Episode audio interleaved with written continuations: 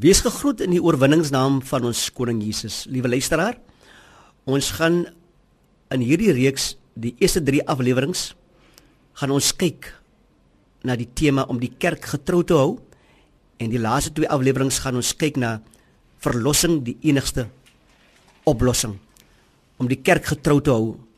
Ons skriflesing kry ons in Tessalonisense 2 vers 15. Sodan broeders, staan vas en hou julle aan die voorskrifte wat julle geleer is of deur die woord of deur die brief van ons. Weet julle liewe luisteraar, selfs met al die grootste en glorieryke beloftes vir die toekoms, moet ons die daaglikse uitdagings en probleme in die kerk hanteer. En selfs die kerk in Tessalonisense was nie 'n uitsondering nie. Ons kan kerke voorstel wat soos baie plante is. As 'n plant nie groei nie, dan gaan dit dood. Met ander woorde om te verander was ingeweef in die manier waarop God plante ontwerp het. Baie keer het ons verandering in die kerk nodig, maar nie alle veranderinge is altyd goed nie.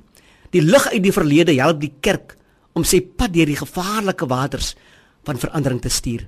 Paulus se laaste woorde aan die Tessalonisense gee vir ons geïnspireerde leiding op hierdie gebied. Mag die Here ons help om getrou te bly aan sy kerk. Vader, soos wat 'n bruid aan haar man getrou is, so wil ons as u kinders met ons hele wese aan U getrou wees.